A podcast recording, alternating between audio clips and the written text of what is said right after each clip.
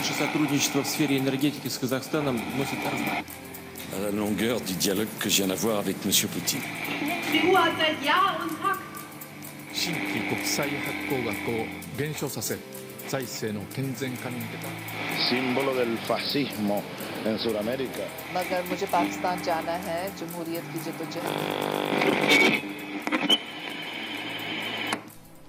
Hva har nominasjonsvalget i USA, flyktningekonferansen i England, brexit og nordkoreanske raketter til felles?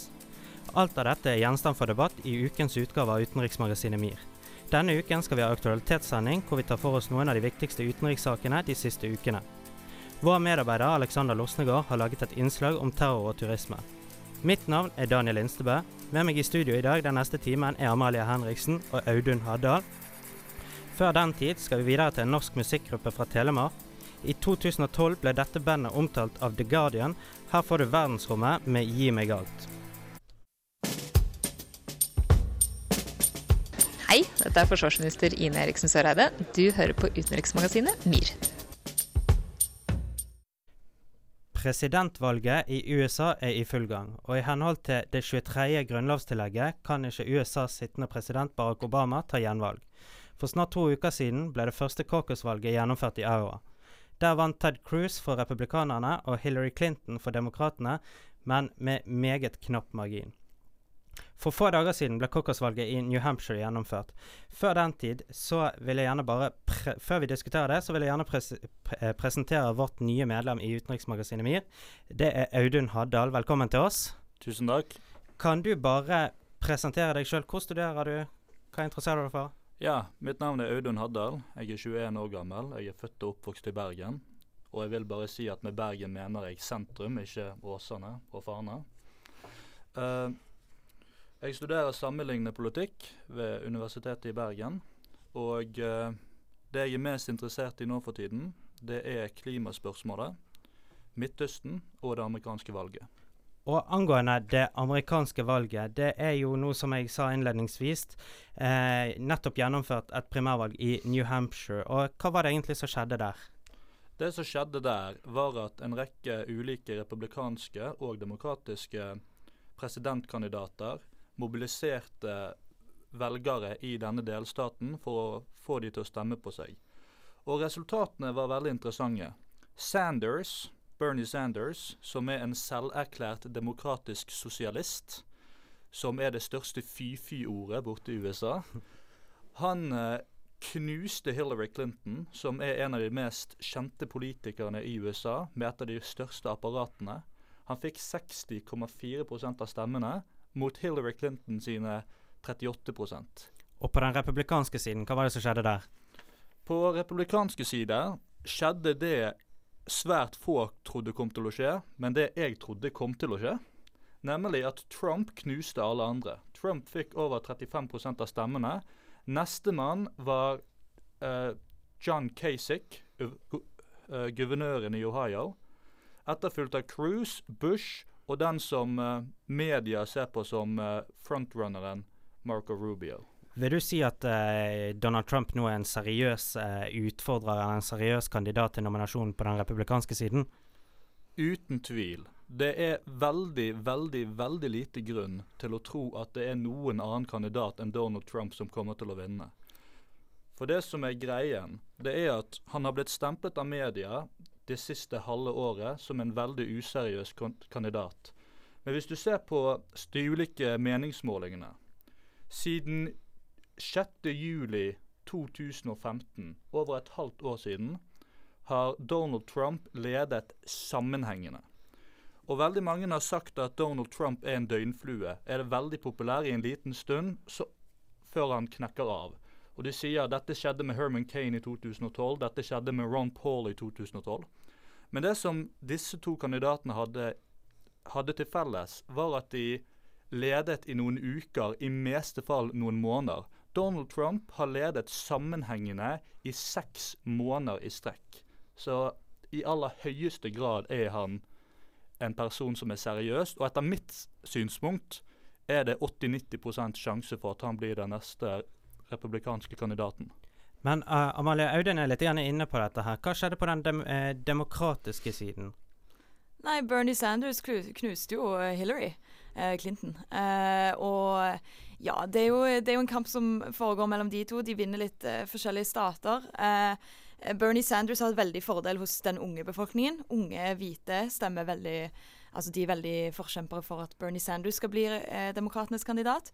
Eh, men Hillary Clinton har en, et fordel hos latin, la, den latinamerikanske og den mørkhuda befolkningen, eh, noe Sanders mangler. Og dette er jo veldig spennende nå som eh, vi går gjennom de neste ukene. For det som står eh, for tur nå, det er jo eh, valgene i eh, Sør-Carolina og Nevada. Ja. Kan du fortelle litt om det? Ja, I Nevada så er det veldig mange latinamerikanske eh, mennesker, og i Sør-Carolina så er det veldig mange mørkhuda. Så her har Hillary foreløpig en stor fordel, mens eh, Bernie Sanders må eh, gå litt hardere inn for å vinne velgere i, i, hos disse gruppene, for, eh, for, å ha en sjanse der. Men Audun, eh, det er en veldig spennende kandidat på den republikanske siden. Han heter John Kasich. Han har på en måte logget litt rundt i sivet og vaket, og ikke fått så mye oppmerksomhet. Men han kan jo kanskje sies å ha en relativt fornuftig republikansk eh, valgkamp. Hva mener du om det? Det som er greia med uh, John Kasich, det er at han er en veldig erfaren politiker. Han var uh, enten senatorsmedlem eller uh, husrepresentant på 90-tallet og var en av de republikanerne som sammen med Bill Clinton klarte å gjennomføre et budsjettoverskudd. Samtidig har han vært nå guvernøren i Ohio i ganske mange år, og har gjort en forholdsvis god jobb i forhold til det, det, mange mener. Men det som er viktig å ha i bakhodet med Kasich, det er at han gjorde et elendig valg i Iowa. Han gjør, har elendige meningsmålinger på nasjonal basis.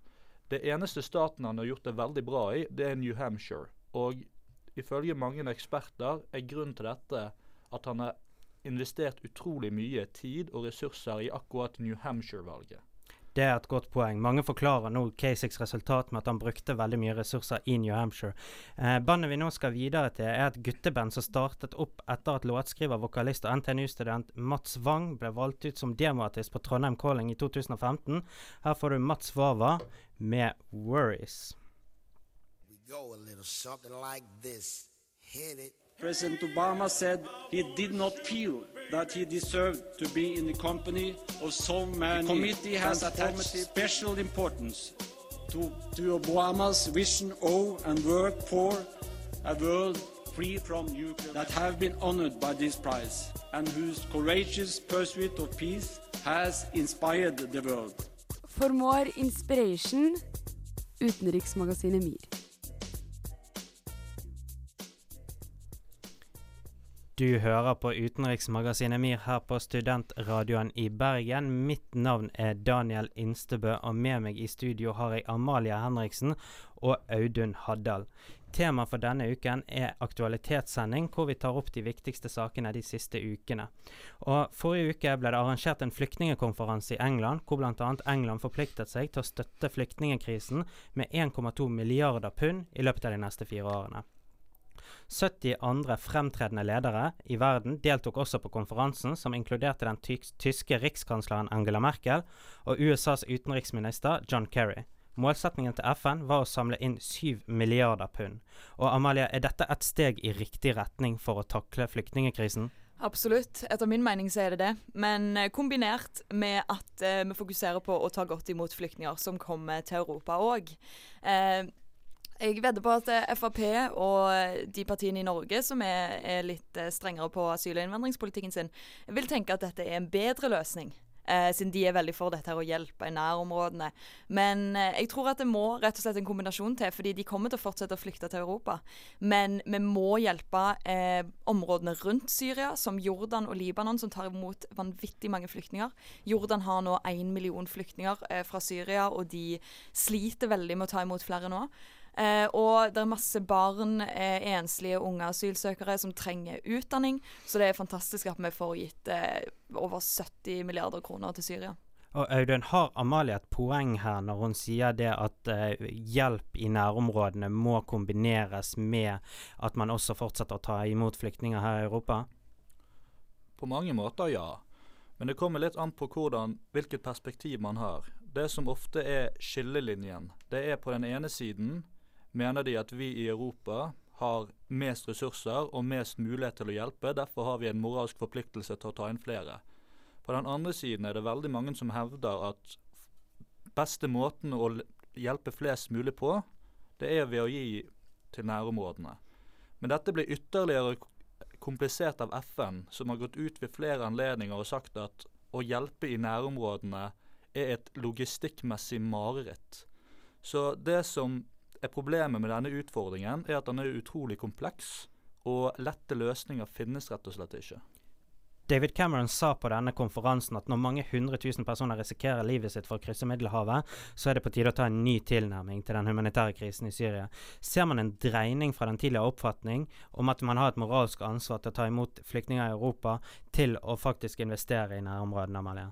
Ja, eh, egentlig. Eh, jeg tror at det, denne konferansen er et symbol på det. Eh, men jeg håper likevel at de, de, fortsetter å fokusere på å gi flyktningene som kommer til Europa, eh, utdanningen de trenger her òg. Eh, yrkesopplæring det også, eh, blir det òg fokusert på her. Men jeg tror absolutt de prøver nå å fokusere mer på å eh, hjelpe til der flyktningene først ankommer, sånn at de kan gjerne bli der da, og få den hjelpen de trenger før de trenger å reise til Europa. Og så blir det sagt at disse pengene skal gå som du er inne på, Amalie, til å sikre stabilitet, skape arbeidsplasser, tilby utdanning. Men Audun, eh, vet ikke du litt mer konkret hva disse pengene skal gå til? Jo, um, det er en veldig lang liste, da. Så ja. for, å prøve å, for å prøve å unngå en oppramsing, så er det bl.a. Uh, 20 millioner matrasjoner som skal bli gitt. 2,5 million folk skal få helsehjelp. Og 4,5 halv million skal få såkalte hjelpepakker med mat og lignende. Dette er jo en god start, Amalie. Ja, absolutt. Jeg, jeg, er veldig veldig takknemlig for at, eh, for at EU og Norge, Tyskland, Kuwait og, og Storbritannia har, har starta dette her. og og har hosta denne konferansen, fordi jeg tror absolutt eh, Givergleden er veldig stor nå eh, blant eh, de fleste land i verden når det kommer til Syria, så, så jeg syns det er en positiv utvikling. Ifølge Natt og Dag spiser artisten bak neste sang havregrøt med blåbær hver eneste dag. Her får du Vilde Tuv med sangen 'Ensom Cowgirl'. Det, det, er jo på vei utfor stupet. Det, det behøver du ikke være, være verken trollmann eller synsk eller astrofysiolog for å se. Uansett om det bærer utfor stupet eller ikke, gir utenriksmagasinet MIR deg utenrikssaker og astrofysiologi hver fredag fra 11 til 12 på Studentradioen i Bergen. Vår medarbeider Alexander Losnegård har denne uken laget en kommentar om terror og turisme, og den får du nå i utenriksmagasinet MIR. I 2015 reiste nesten 1,2 milliarder mennesker utenlands, en økning på 4,4% fra 2014. Selv om flere mennesker reiser utenlands enn noen gang før, er det langt fra alle verdens land som nyter godt av den økte turismen. Angrep på turister i Tunisia og flystyrten på Sinai-halvøyen i Egypt rammet turistnæringen i de to landene hardt. I 2015 besøkte to millioner færre turister Tunisia enn året før. Det er tungt å svelle for et land hvor inntektene fra turistnæringen utgjør nesten 10% av landets bruttonasjonalprodukt. Tyrkia merker også en brutal nedgang etter selvmordsangrepene i Istanbul i januar. Den tyske turoperatøren TUI, som er verdens største turoperatør, sa tirsdag denne uken at de har merket en nedgang på 40% i etterspørselen etter reiser til Tyrkia i etterkant av selvmordsangrepene. Tyrkisk presse melder om en nedgang på 17% i antall besøkende til den populære badebyen Antalya, det laveste antallet besøkende i januar måned på et tiår.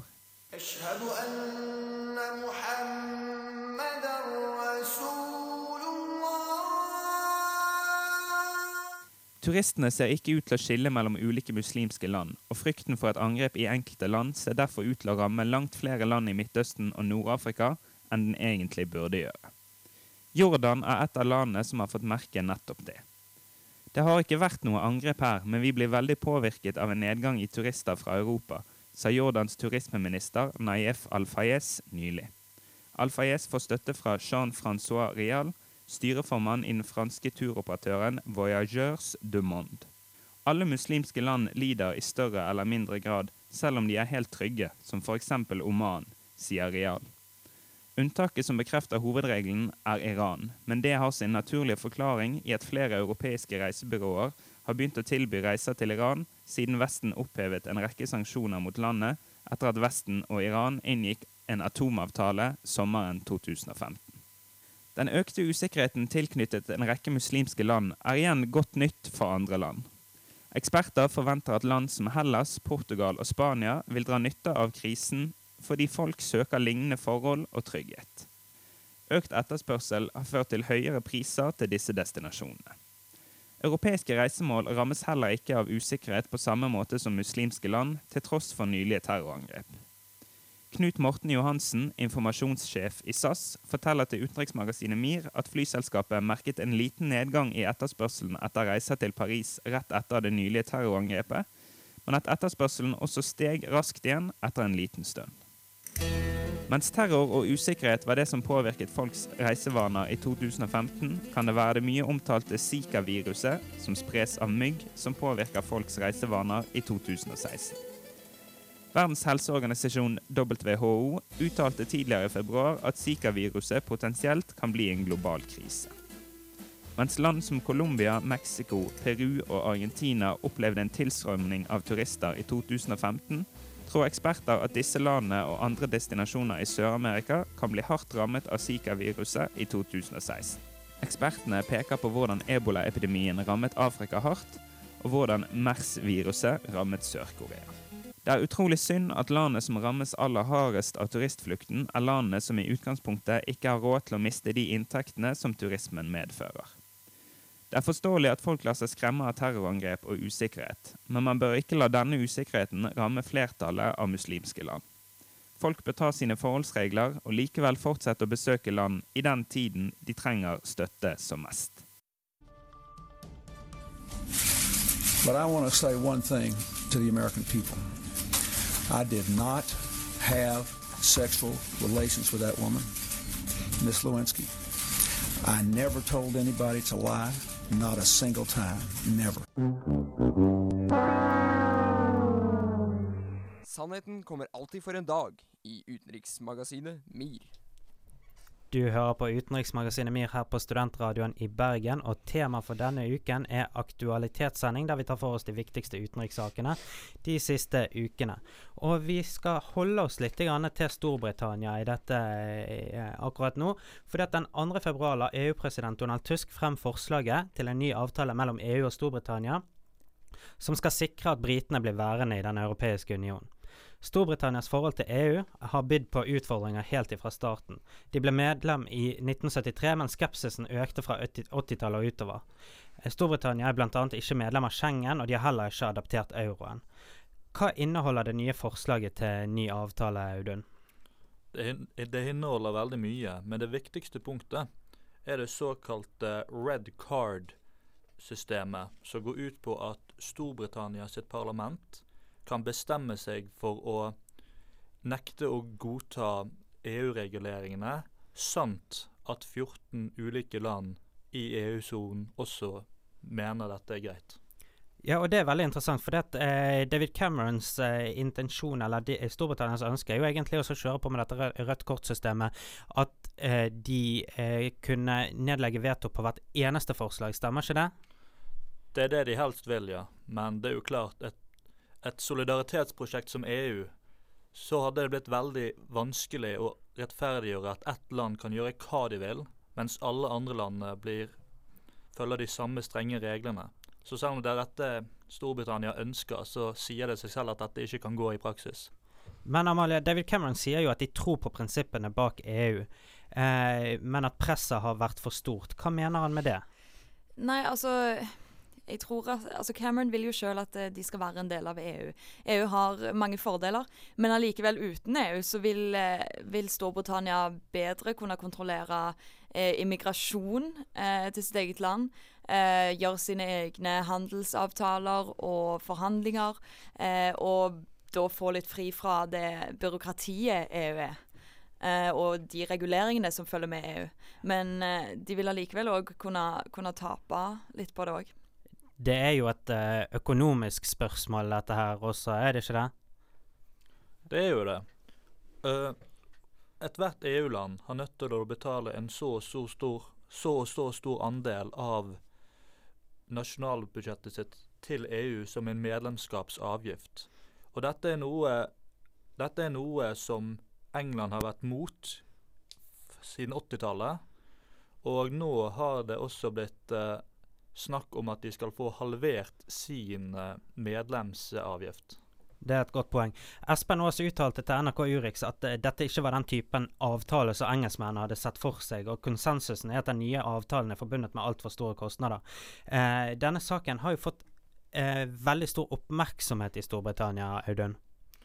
Det har han. EU-saken har vært den saken som har fått mest oppmerksomhet i England det siste året, til og med mer oppmerksomhet enn flyktningkrisen. Litt av grunnen til dette er at et nytt, stort parti har vokset opp fra ingenting, som heter UKIP, ledet av Nigel Farage, som ønsker at EUs, Storbritannia skal ut av EU, og ønsker å ha en folkeavstemning angående dette temaet.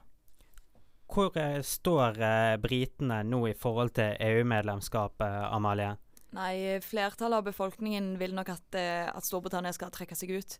Eh, men det kan ha konsekvenser, fordi da har ikke lenger Storbritannia et sete i, i Europarådet og EU-parlamentet, men må allikevel følge regler og, og, sånn som blir vedtatt i EU. De, de, vil egentlig trekke seg ut for akkurat samme grunner som Norge ikke vil bli medlem av EU. Men vi òg blir hele tiden påført lover fra EU uten at vi sjøl har noen stemmerett eh, i EU. Eh, så ja, det, Men de aller fleste vil nok eh, trekke seg ut, så Cameron har ikke folkets støtte her. En hovedforskjell mellom Norge og mellom Storbritannia tenker jeg derimot, er at Storbritannia er enten den andre eller tredje største økonomien i hele Europa. Så Storbritannias evne til å bestemme hva de vil gå med på og hva de ikke vil gå med på, er mye større enn Norge, som er et veldig lite land, og som har en veldig liten økonomi også. Det ble gjennomført valg i Storbritannia så sent som i fjor. Og nå er det planlagt å skrive ut folkeavstemning omkring EU-medlemskap til sommeren. Og David Cameron er jo en forkjemper for at egentlig at Storbritannia skal bli i EU. Men kan man spekulere i hvordan fremtiden til David Cameron vil se ut, avhengig av de forskjellige eh, utfallene? Si at f.eks. Eh, eh, David Cameron vil være i EU, og han taper. Hva kan skje da, Amalie? Nei, da er det mulig at han må rett og slett trekke seg som statsminister. Eh, for hvis eh, Storbritannia blir i EU, så vinner Cameron. Men han har ikke store deler av befolkningens støtte. Eh, men hvis de må ut av EU, så har han jo tapt den kampen, som er veldig stor, big deal da, for, for Cameron. Og så er jo Audun også inne på dette med at hvis Storbritannia eh, fortsatt blir i EU, så er det jo fortsatt en politisk betent sak, eller hva? Det er det i aller høyeste grad, og det blir nok spesielt betant med tanke på at eh, de konservative partiet som Cameron er ledet av, bare fikk 37% av stemmene på nasjonal basis. Noe som gjør at han fikk flertall, selv om det store flertallet stemte mot han, og at dette er et såpass betent spørsmål at veldig mange vil være uenige i han uansett hva resultatet blir. Det kan jo også være blant årsakene til at Espen Aas eh, spekulerer i hvor tid David Cameron trekker seg. Nå får du en knallgod sang her på studentradioen i Bergen. Her får du Red Hot Chili Peppers med 'Snow'.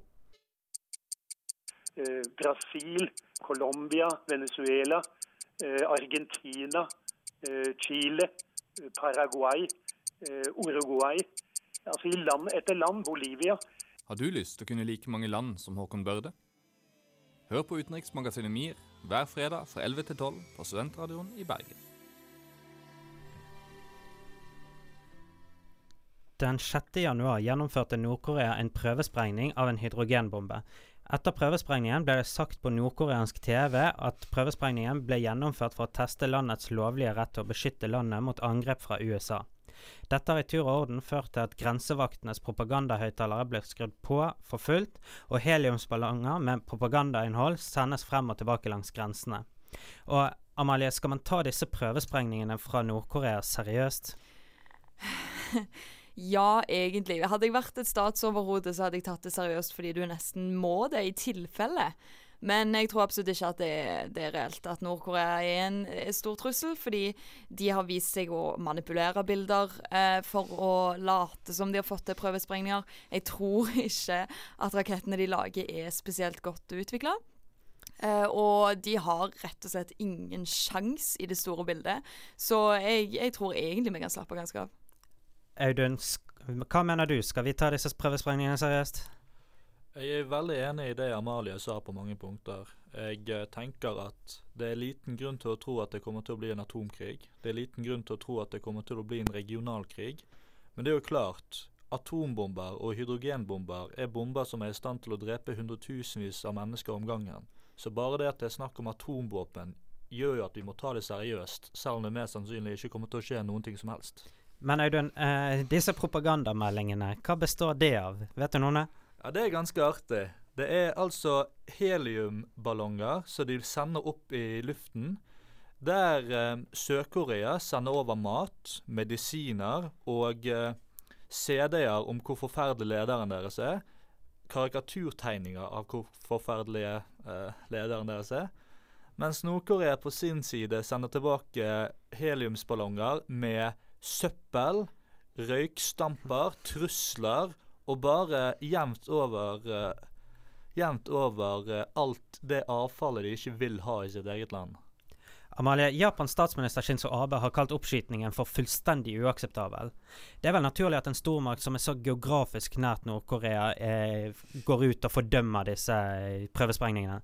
Ja, absolutt. Det må de gjøre. Eh, og Kina og USA har òg sagt at dette ikke er greit, at eh, de står eh, mot eh, Nord-Korea. Men allikevel, Kina er litt sånn småhykleriske fordi de er alliert med Nord-Korea. Hadde det ikke vært for Kina, så tror jeg at vi kunne ha gjort noe med Nord-Korea. Det er jo et helt vanvittig land. Det er bakvendt land, og det er tortur og konsentrasjonsleirer. Eh, det er liksom, det er et land vi burde virkelig gjøre noe med. Men eh, Kina er der og er vaktbikkja di, så vi får rett og slett ikke gjort noen ting. Audun? Hadde dette vært en vanlig situasjon, så hadde jeg vært enig i det Amalie nettopp sa.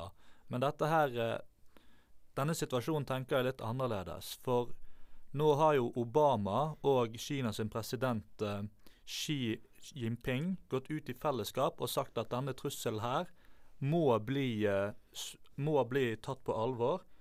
Og de må ha en felles respons, og en felles sterk respons, for å sørge for at Nord-Korea ikke går for langt. Hvorfor, hvorfor er dette interessant, da? Dette er interessant fordi, som Amalie nevnte tidligere, Kina har jo vært vaktbikkjen til Nord-Korea siden staten ble opprettet, så å si. Og når vi har en situasjon der eh, garantisten for statens eksistens går ut og sier at dette er uakseptabelt, så endrer spillereglene seg litt.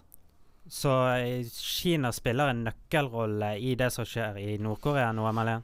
Ja, det vil jeg si at de gjør. Uh, men ja, Nord-Korea er en ustabil stat som finner på mye, mye, skremmende. Det er mye propaganda, det er mye rakettoppskytninger, og de, de prøver å fremstå som veldig truende. da.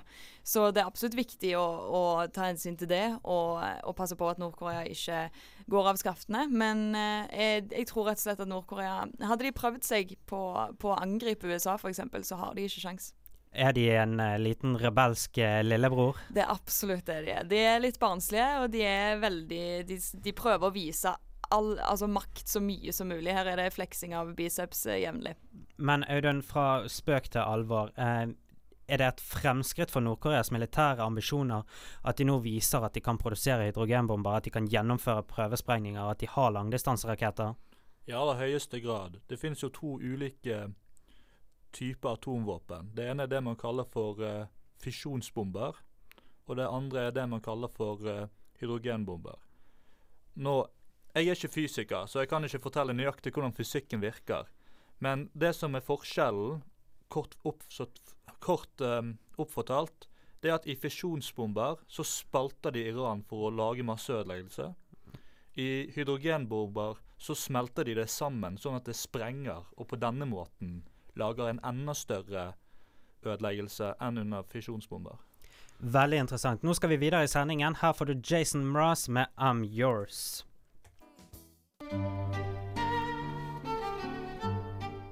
Det som er essensen, er at det, altså det, det er realøkonomien som betyr noe.